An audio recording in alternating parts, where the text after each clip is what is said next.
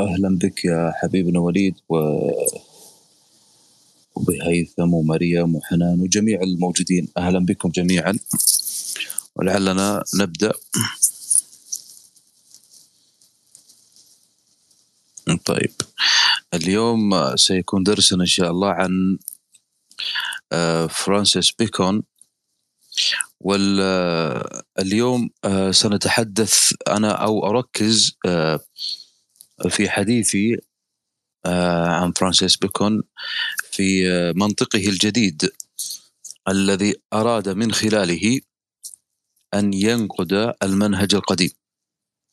المنهج القديم أو المنطق القديم وأعني به هنا منطق أرسطو تحديدا أو المنطق الصوري لكن لعلي هنا أقف قليلا عند المنطق الصوري حتى نوضح الصورة آه، وتكون أوضح.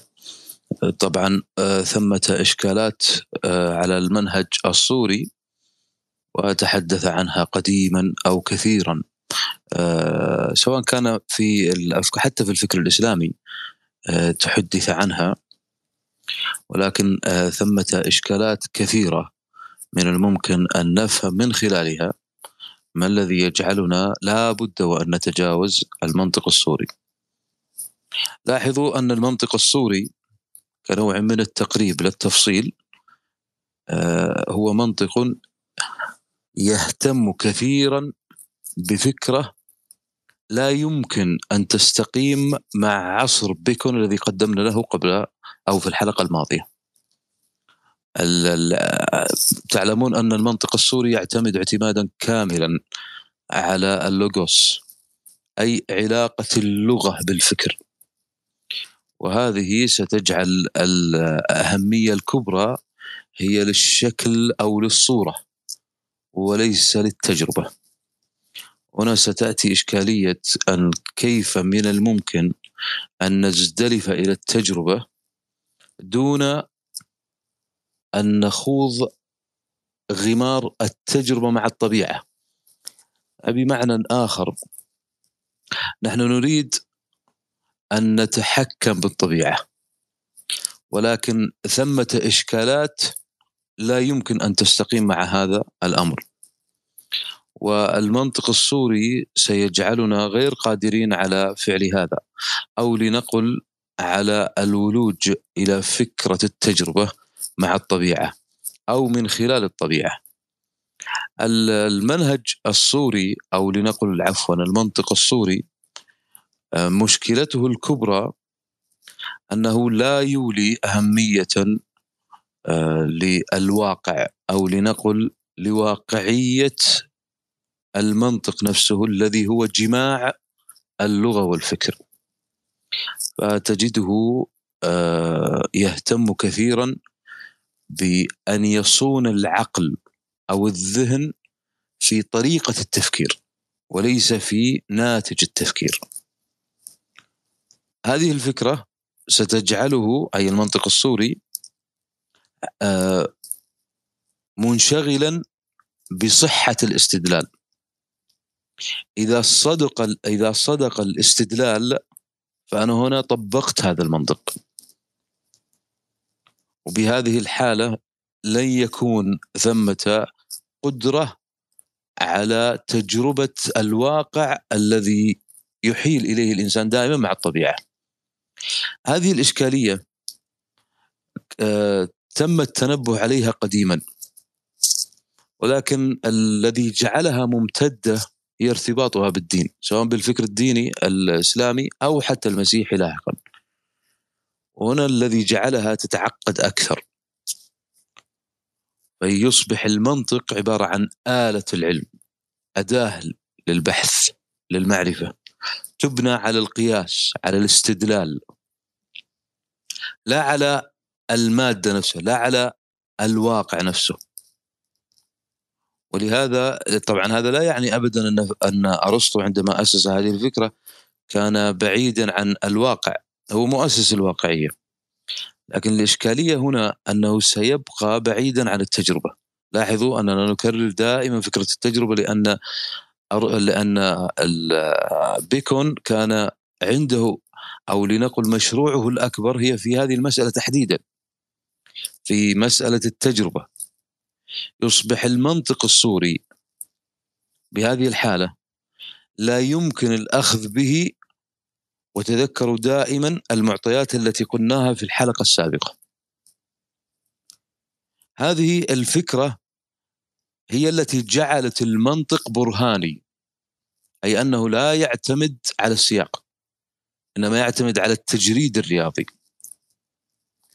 وهذا ما جعله لاحقا يصبح مرتبطا بالرمز الرمز الذي يعبر عن القضية. وبطبيعة الحال أن هذه ستكون مناسبة لك في اللغة وعندنا قسمين من اللغة. اللغة الطبيعية واللغة الرمزية. اللغة الطبيعية هي لغة الإنسان هي التي نتحدث بها. أما اللغة الرمزية فهي لغة أقرب ما تكون يعني حتى نقربها لغة الرياضيات. هي قد تصلح للغة الرياضيات لكنها لا تصلح للغة الطبيعية. اللغة الطبيعية يجب أن تخضع للسياق. ولهذا تبدلت فكرة البرهان إلى فكرة الحجاج. هذه الأفكار كانت تجول في ذهن آه، فرانسيس بيكون. وقلنا أن غير فرانسيس بيكون أيضا آه، حاول أن يتحدث عنها. وقديما أيضا تم التحدث عنها. لكن الفكرة هنا بدأت مع فرانسيس بيكون في كتابه الاورجانال الجديد وطبعا كتابه الأم لنقل وهو صادر عام 1620 وهذا الكتاب لنقل أنه ينقسم إلى قسمين. قسم عبارة عن شذرات عامة أو لنقل أنه قسم للسلب أو مواطن الخطأ والزلل في الذهن الإنساني. وقسم آخر هو القسم الإيجابي. هكذا يوصف في تاريخ الفلسفة أو في فلسفة بيكون تحديدا. وهذا الذي كان مخصصا للتجربة. هذه الفكرة طبعا أفكار بيكون هنا ما زال بعضها حيا وصالحا. وشيء منها لم يعد صالحا إلى زماننا لكن ما يهمنا هنا هي الأوهام التي تحدث عنها بكر وفي الحقيقة أنها من أجود ما كتبه وهي ما زالت إلى الآن مهمة جدا في الفلسفة. فرانسيس بيكون عندما آه، أسس لنقل فلسفته الاستقرائية أثر في العلم التجريبي جدا بفلسفته. وكانت فلسفته تقوم على الملاحظة الخارجية من جهة والتجربة العملية من جهة أخرى. كان منطقه الجديد وهو كما قلنا الذي رد فيه منطق أرسطو يهدف إلى تحرير العقل من كل رواسب المعتقدات والموروثات وهو يقوم على تجنيب العقل في الوقوع من الأوهام الأربعة التي ذكرناها. أولى هذه الأوهام هي اولا أوهام القبيلة. بعض كتب التاريخ قد تجدون فيها القبلية وهذا خطأ. هذه الأوهام القبيلة أو لنقل أوهام الجنس إن شئتم هي بالعموم بالعموم تعني التركيب العقل الإنساني في مشتركاته مع أفراد ينتمون إلى ما ينتمي إليه. يعني حتى نفسرها ونوضحها أكثر. هذه الأوهام أوهام القبيلة أوهام الجنس أوهام النوع هذه خاصة بالطبيعة البشرية نحن دائما ما نميل إلى معارفنا التي كوناها من أذهاننا أو من تجاربنا الشخصية فنجعلها دائما وكأنها مقياس للعالم. مقياس لكل شيء في الحياة. نحن تحدثنا سابقا عن خطورة وخطأ أن تتحول الحياة الشخصية إلى قاعدة اجتماعية. هذه تدخل في أوهام القبيلة. فأنا أحكم على العالم وما فيه بناء على تجاربي الحسية. بناء على ما هو مخزن في ذهني. يصبح العالم كله وكانه أنا. هذه وهم نظن أنه صائب والحقيقة أنه فيه إشكال. هذه الإشكالية هي إشكالية أيضا ستجعل الإنسان أمام معضلة من المعضلات الكبرى. نحن الآن لا بد وأن نخضع للطبيعة. أو تخضع لنا. نحن الآن أمام خيارات. هذه الخيارات ستجعلنا غير قادرين على التجربة ما دمنا نشعر وكأننا لا بد وأن نسيطر على الطبيعة بحواسنا. يعني بطريقة عملية.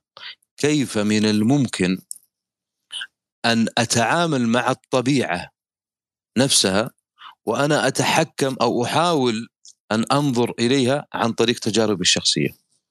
الطبيعة هنا أكبر من الواقع الحسي الذي يشعر به الإنسان.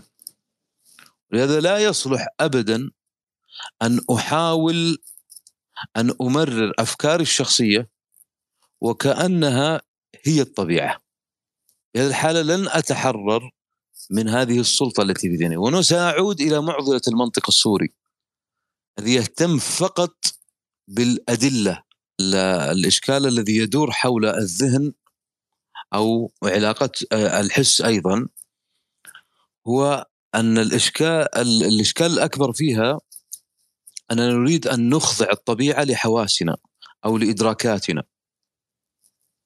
يعني بمعنى كأنني أريد عن طريق عيني أن أرى كل الدنيا أو أنا أرى كل آه، ال ال الأرض. وهذه منطقيا لا تستقيم. هنا تأتي الإشكالية أو أن أس أسمع كل ما يدور من أصوات في هذه الأرض. فهذه منطقيا لا تستقيم. معنى ذلك أن الأشياء التي آه التي أشعر بها التي أحس بها التي تصلني. إنما هي لها حدوديتي لكن لا تمثل الطبيعة. معنى هذا أنني سأرى العالم من خلال قدراتي الشخصية. وهذا لا يعني أن هذه هي حقيقة العالم.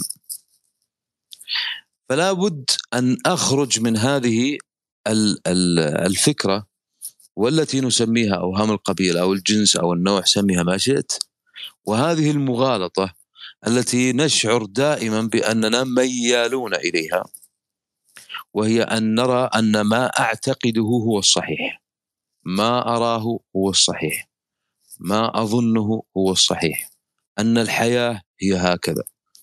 هذه كلها أوهام نحن ننحاز إليها لأننا لا نعرف إلا إلا هي.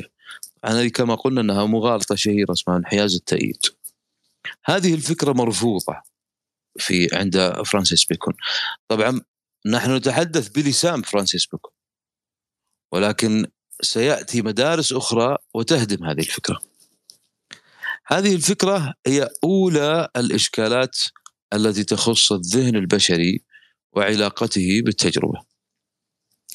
هو كان آه، يرى آه، بيكون طبعا أن العقل البشري ميال بطبيعته إلى التعميم. وهذا التعميم هو الذي سيجعله أيضا آه، يقف أمام عجزه عن فهم الطبيعة. وما دمنا عاجزين عن فهم الطبيعة. فبطبيعة الحال لا نستطيع أن نخوض التجربة دون هذه العقبة. هي عقبة التعميم إن شئتم أو الجنس أو غيرها. فلا بد أن نتوقف عن هذه أو هذه الأوهام حتى نستطيع أن نخوض غمار المباشرة مع الطبيعة وأن نعرف ما هي القاعدة الصالحة للجميع وليس لأفراد دون غيرهم. هذا طبعا سيتناقض مع ما كان يمارسه أصلا بيكون بالذات أنه كان سياسيا وكان يمارس ما لا يطبق ما لا ينظر له هنا. وهذا من الإشكالات التي حدثت في منطقة آه، بيكون. من الإشكالات هنا أنه هو نفسه لم يتقيد بما كان يقول. لا يعني هذا أننا نحاكمه بفعله. فقد تنظر أنت لأمر ولا تستطيع آه، على فعله. هذا أمر طبيعي. لكن هم آه، يعني قيلت هذه من مبدأ أنه لا يمكن أن تطبق. لا يمكن أن تكون صحيحة. وهو كان عنده مشكلة كبيرة جدا مع فكرة الغائية. غائية الشيء. كان عنده هذه الإشكالية كبيرة جدا ولا يراها. لأن الإشكال عنده في هذه المسألة هو أن هذه الغائية مصدرها هي خبرتي السلوكية. وما دام مصدرها خبرتي السلوكية فمعنى ذلك أنني سأسقط هذه الخبرة على مفهومي للطبيعة وأيضا ما لا يمكن أن يستقيم. فنحن في كل الحالات مجبرون على أن نقول أن هذه الفكرة لا يمكن أن تكون صالحة لتأسيس منطق. وهي من الإشكالات التي كانت موجودة سابقا لنقل في المنطق الأرسطي تحديدا. طبعا هذه أيضا ستجدون آه، أو ستحيلنا إلى وهم آخر من الأوهام والذي يسميه بأوهام الكهف. وهم الكهف أو لنقل الفردانية تحديدا بمعنى كل إنسان على الأقل ممن يؤمن بالمنطق الصوري. هو دائما آه، هو دائما في في في أوهامه الأربع دائما أرجعوها إلى آه، فكرتي آه، إلى فكرة أنه يرد في كل ما قاله على المنطق الصوري. ويرى أن الإنسان يعيش مع مع نفسه مع أفكاره وكأنه في كهف. وهذا الكهف سيعيقه من من رؤية الطبيعة. سيعيقه من رؤية هذا التنوع الموجود في الحياة. هي خاصة هذه الأوهام برغبات الفرد بالميول ميول هذا الفرد. وهذه لها علاقة بمزاجه الشخصي بتكوينه العقلي بلغته ومعاني اللغة عنده بتربيته بظروفه بتجارب حياته بأمراضه. فلا يمكن أن نستطيع آه، أن نمضي قدما في التجربة المباشرة مع الطبيعة ونحن نعاني من هذا الوهم وهم الكهف.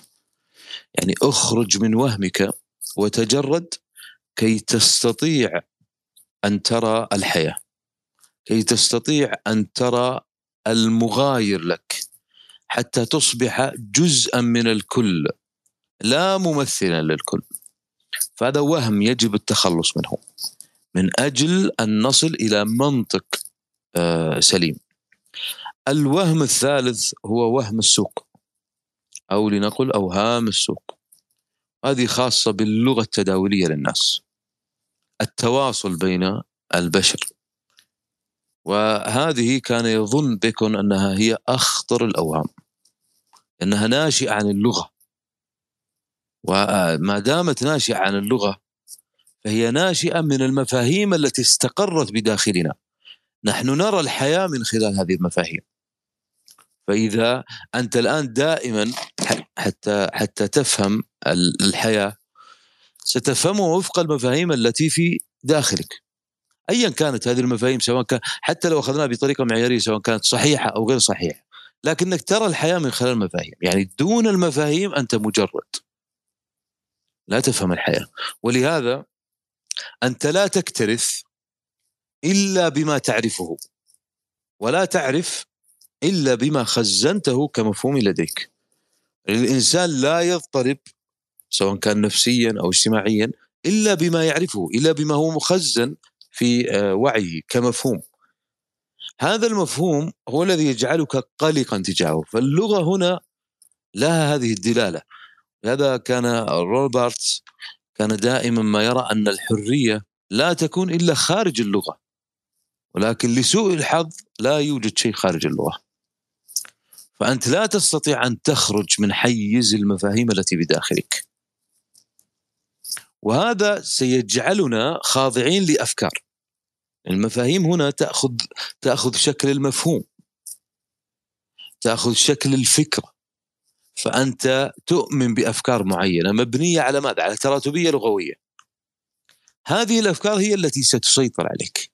هذه الأفكار هي التي ستجعلك متفاعلا مع الآخر. الآخر هو كل ما هو خارج عنك عن طريق هذه الخطاطة لنقل التي شكلت ذهنك. ولهذا أنت لا تستطيع أن تعيش دون هذه اللغة وهذه المفاهيم. يعني أنت الآن حياتك كلها عبارة عن ماذا؟ عبارة عن مفاهيم وتأويلات. أنت لست مجردا منها.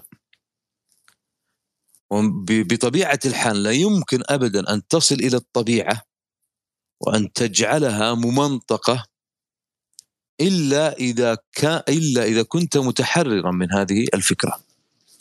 باعتبار وفق بيكون أن هذه الكلمات هي عبارة عن صور للمادة. وهذا الأمر سيجعلني خاضعا للصورة. هذه الفكرة الآن ستجعل هذه المفاهيم هي التي تسيطر علي هي التي تجعلني أتفاعل مع الآخر. ولاحظ أن هذه المفاهيم أيضا ستأخذ حيز الذاتية عند الإنسان. كيف تتكون هذه اللغة أو هذه المفاهيم؟ أنت تكونتها عن طريق سردية في حياتك. السرديه هذه لها علاقة كما قلنا أيضا بحالتك النفسية بتربيتك بمعتقداتك بأفكارك بأحداث حياتك. وكأنك هنا إن شئت أن تقول أن الحياة كلها ستصبح خاضعة لمجريات حياتك لقصة حياتك. وهذا الذي جعل كما قلنا رومبارت يرى أن لا حرية خارج هذه هذه المنظومة. ولهذا يجب أن نتحرر من هذه الفكرة. بعد ذلك طبعا ستتطور هذه الفكرة مع الفلسفة التحليلية. الوهم الرابع هو أوهام المسرح. وهذا الوهم وهم المسرح هذا خاص بالموروث. الموروث المكتسب من الأسلاف. وهذه أيضا نقطة كان دائما ما يركز عليها. وهي أيضا ستكون يعني منقسمة أو لنقل أن لها أشكال. هناك لها الشكل النظري والشكل سفسطائي أو إن شئتم جدلي وشكل تجريبي. لاحظوا أن بيكون هنا متأثر جدا كما قلنا بفكرة الكيمياء أو الخيمياء القديمة.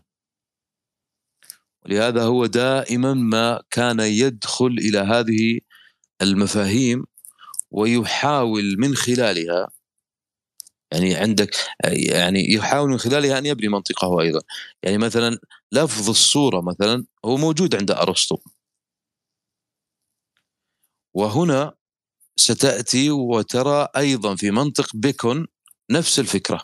يعني الآن القديم قديما في المنطق القديم كان مثلا الصورة مرتبطة بماهية الموجود. وهو المثال المشهور الذي تجدونه في في كتب أرسطو ومن سار مساره وفي كتب الفلسفة التي حلت أو حتى في الأبحاث المتعلقة بالمنهج الأرسطي أو بالمنطق الأرسطي عفوا أو ما سيراه تجدون هذا كثيرا حتى في مدارس النقد. ماهية الموجود في علاقتها بالصورة بمعنى صورة الأسد مثلا. آه صورة الماء مثلا. هذه في المنطق القديم ماهية الموجود هنا. لكن في المنطق الجديد لا تغير الأمر فأصبحت الصورة هنا في الكيفية. أو في ماهيتها وليست في الوجود. يعني يعني تعبر عن صور الطبائع التي نفهمها من الألفاظ. وهذه هي الكلمات الشهيرة مثلا التي يعني تأتي وكأنها تعبر عن كيفية معينة. هذا مثلا حار بارد ثقيل آه، خفيف طويل وهكذا. هذه كلها تعابير عن الصورة. فهي لا تهتم بالصورة القديمة الموجودة عند المنطق الأرسطي إنما تهتم بالكيفية تحديدا. هذه الفكرة أيضا كانت في في في عرف مثلا بيكون كانت مهمة جدا لفهم كيفية الوصول إلى المنطق الجديد. وهذا طبعا سيجعل أيضا فرانسيس بيكون يحاول باستمرار أن يؤسس لفكرة وهذه الفكرة قد تكون لها علاقة أيضا بثقافات من الممكن أن نقول أنها قديمة. أنا هنا سأتوقف أيضا عند بعض نصوصه بعد أن نهينا هذه الأوهام الأربع عند بعض نصوصه ونحاول من خلالها أن نفهم ما الذي كان يريده بكون أو ما الذي كان يحاول أن أن يصل إليه. وكان يقول في منطقه أنه أن من الخطل والتناقض الذاتي أن نتوقع أن الأشياء التي لم تنجز حتى الآن على الإطلاق يمكن أن تنجز ما لم يكن ذلك بوسائل لم تجرب حتى الآن قط. لاحظ هنا هو هذه دعوة إلى التجربة أيضا. وهي رغبة حثيثة منه على أن على ضرورة أن ننطلق من منطلقات مختلفة عن الأسس السابقة. يعني أنت الآن عندما تريد أن تجرب ليست المشكلة في التجريب المشكلة في الأداة التي تستخدمها للتجريب. إذا كانت نفس الأداة فالنتيجة واحدة. هنا أيضا هو كان يركز أيضا على فكرة. الفكرة الكبرى لنقل أو من الأفكار الكبرى عنده أن الإنسان هو الموكل بالطبيعة والمفسر لها. وبهذه الصفة لا يملك أن يفعل أو يفهم إلا بالقدر الذي تتيح له ملاحظتها ملاحظته التي قام بها لنظام الطبيعة. سواء كان ذلك في الواقع أو في الفكر. وليس في وسعه أو بوسعه أن يعرف أو يعمل أكثر من ذلك. ولاحظوا أنه هنا يريد أن يجعل الإنسان متصلا بالطبيعة دون الأوهام الأربع. وهي أيضا بهذه الحالة سيكون داعية هو نفسه في منطقه الجديد في الاورجنال الجديد هو محاولة لجعل الإنسان يجرب عن طريق الطبيعة مباشرة دون تلك الطرق التي كان يتخذها أرسطو في منطقه والتي كانت تهتم بصورة الطريقة. لا بمضمونها أو مادتها. فهذه الفكرة أيضا كانت ملحة جدا عند بيكون من أجل الوصول إلى منهجه الجديد. هذه الفكرة أيضا ستحيلنا إلى أفكار أخرى كان يعني يروج لها وكان يريد أن يقولها. وهذه الفكرة مثلا الخاصة بالطبيعة أن الطبيعة تفوق دقة الحواس والفكر أضعافا. بحيث أن جميع تلك التأملات أو التنظيرات أو الشروح المنمقة التي ينغمس فيها الناس هي محض جنون. كل ما في الأمر أنه لا أحد هنالك يلحظها. بمعنى أن الإنسان لم يصل إلى الطبيعة هو وصل فقط إلى ما يمكن أن تصل إليه حواسه. وهذه لا يمكن ابدا أن تجعل الإنسان قادرا على أن يسبر أغوار الطبيعة. طبعا هذه الفكرة أيضا ستجعلنا نتوقف عند مفهوم الجنون آه، فلسفيا. الجنون له مفهوم فلسفي هو ظاهرة فكرية لنقل. هو أيضا عبارة عن خروج عن المألوف. فهذا طب آه، هذا أيضا طريقة لنقل أخلاقية. وما دامت خروج عن المألوف فلا بد هنا من أن له منطق خاص مختلف عن المنطق الذي كنا نعتقده والبشرية كانت سائرة على المنطق الأرسطي. هو محاولة لإرباك الثابت. هذا الجنون ومحاوله لإرباك الثابت ثمة ثابت وأصبح له صبغة دينية. ولا بد من إرباك هذا الثابت لأن الواقع سيحيلنا إلى تلك الثلاثمائة سنة التي تحدثنا عنها في الدرس الماضي وهذا ما لا نريد أن يستمر أيضا. لا بد حتى نبدع حتى نبتدع حتى نأتي بشيء جديد لا بد لنا من هذه الحالة حالة الجنون. لا بد أن نخرق القاعدة البشرية التي استمرت تلك السنين الطوال ولم تأتي بما يصلح للناس. يعني أصبحنا الآن مضطرين اضطرارا إلى أن نتخطى هذه القواعد التي كانت ثابتة. وهذه الفكرة أيضا ستحيله إلى قضية وهي أن القياس وهو طبعا من المبادئ الكبرى عند أرسطو يتكون من قضايا. والقضايا تتكون من كلمات. الكلمات هي مقابلات رمزية للأفكار. يعني الآن أنت عندك فكرة. كيف من الممكن أن تعبر عن هذه الفكرة رمزيا؟ عن طريق مصطلح أو مفهوم. إذا كانت الأفكار مختلطة ومنتزعة من الواقع فلن يكون هناك ثبات فيما يبنى فوقها. يعني الآن نحن عندنا مشكلة في الواقع. وهذا الواقع تكون عن طريق ماذا؟ عن طريق مفاهيم. وهذه المفاهيم كيف تكونت؟ تكونت عن طريق قضايا آمنا بها. وكيف تكونت هذه القضايا؟ عن طريق هذا المفهوم القياس. وكيف تكون هذا؟ عن طريق المنطق السوري. القضية هنا السلسلة. لابد حتى أدحض هذا الأمر. لابد أن أخرج عن هذه القاعدة الثابتة. فأنا هنا أريد أن أسبر أغوار الواقع وأن أستخرج من الواقع قاعدة أسير عليها والحقيقة أن الواقع نفسه يحتاج إلى تغيير. كيف من الممكن أن أغير ما يحتاج إلى تغيير؟ عن طريق هذا المغير. لا تستقيم منطقيا. وكان يقول هنا لابد من الاستقراء الصحيح والاتجاه مباشرة إلى الطبيعة.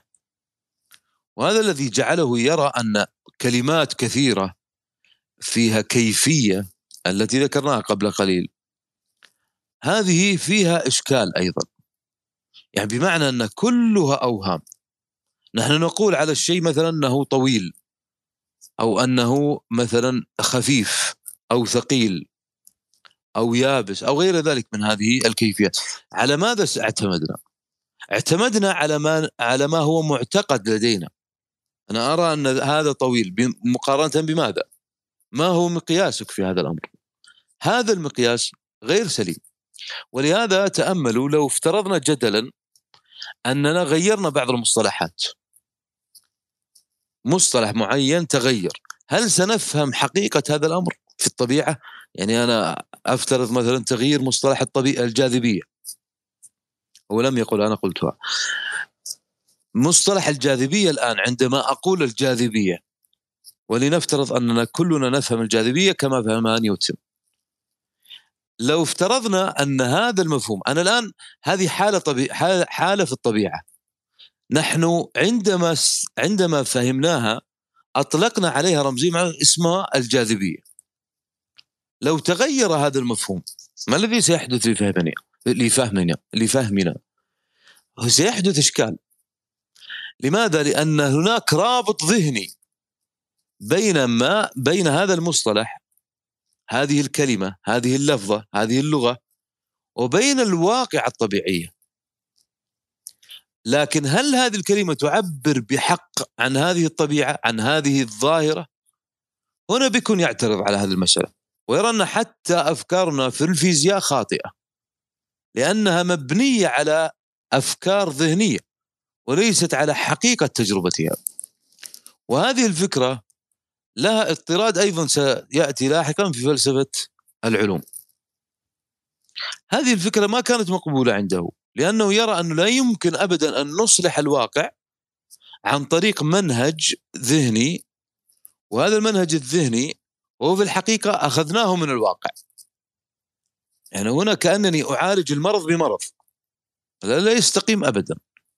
فلا بد من منطق آخر. لاحظ أنه هو يسوق أصلا لمذهبه بهذه الطريقة. وهذه الطريقة طبعا يعني لعله أطال جدا النظر فيها. طبعا هذا سيحيلنا إلى مفهوم التجربة. ومعنى ذلك أننا إذا إذا دخلنا عالم التجربة فلا بد أن ننوع التجربة. ولا بد أن نكررها باستمرار. لا بد أيضا من أن نجري تجارب على تجارب أيضا. ولا بد هنا من أن ننقل التجربة من الطبيعة إلى مثلا الفن. ومن فن إلى آخر من جزء إلى جزء. لا بد أن ننقل التجربة باستمرار وكأننا نجرب باستمرار. ولا بد هنا أيضا من أن نفحص التجربة. وفحص التجربة هذا سيجعلنا أيضا مرتبطين بالطبيعة باستمرار. وأيضا أن نلغي هذه التجربة. يعني كيفية دراستها نلغيها إذا احتجنا إلى ذلك. أيضا لا بد من تطبيق التجربة ولا ما فائدة التجربة؟ ولا بد هنا من أن نجمع التجارب مع بعضها كي نخرج أيضا بقاعدة جديدة مبنية على التجربة لا على أوهامنا الأربع. هذه كلها ستجعل الواقع متغيرا. ستجعلنا مرتبطين تماما بالطبيعة لا بما نظنه ونعتقده ونؤمن به. وهذه الفكرة أيضا ستحيل إلى كثير من النواتج التي من خلالها سيتغير الواقع. يقول هو إن البون لبعيد بين أوهام العقل البشري وأفكار العقل الإلهي أي بين ما هو مجرد آراء فارغة وما هو السمة أو البصمة الحقيقية المطبوعة على المخلوقات كما نجدها في الطبيعة. نحن طوعنا الطبيعة كما نريد.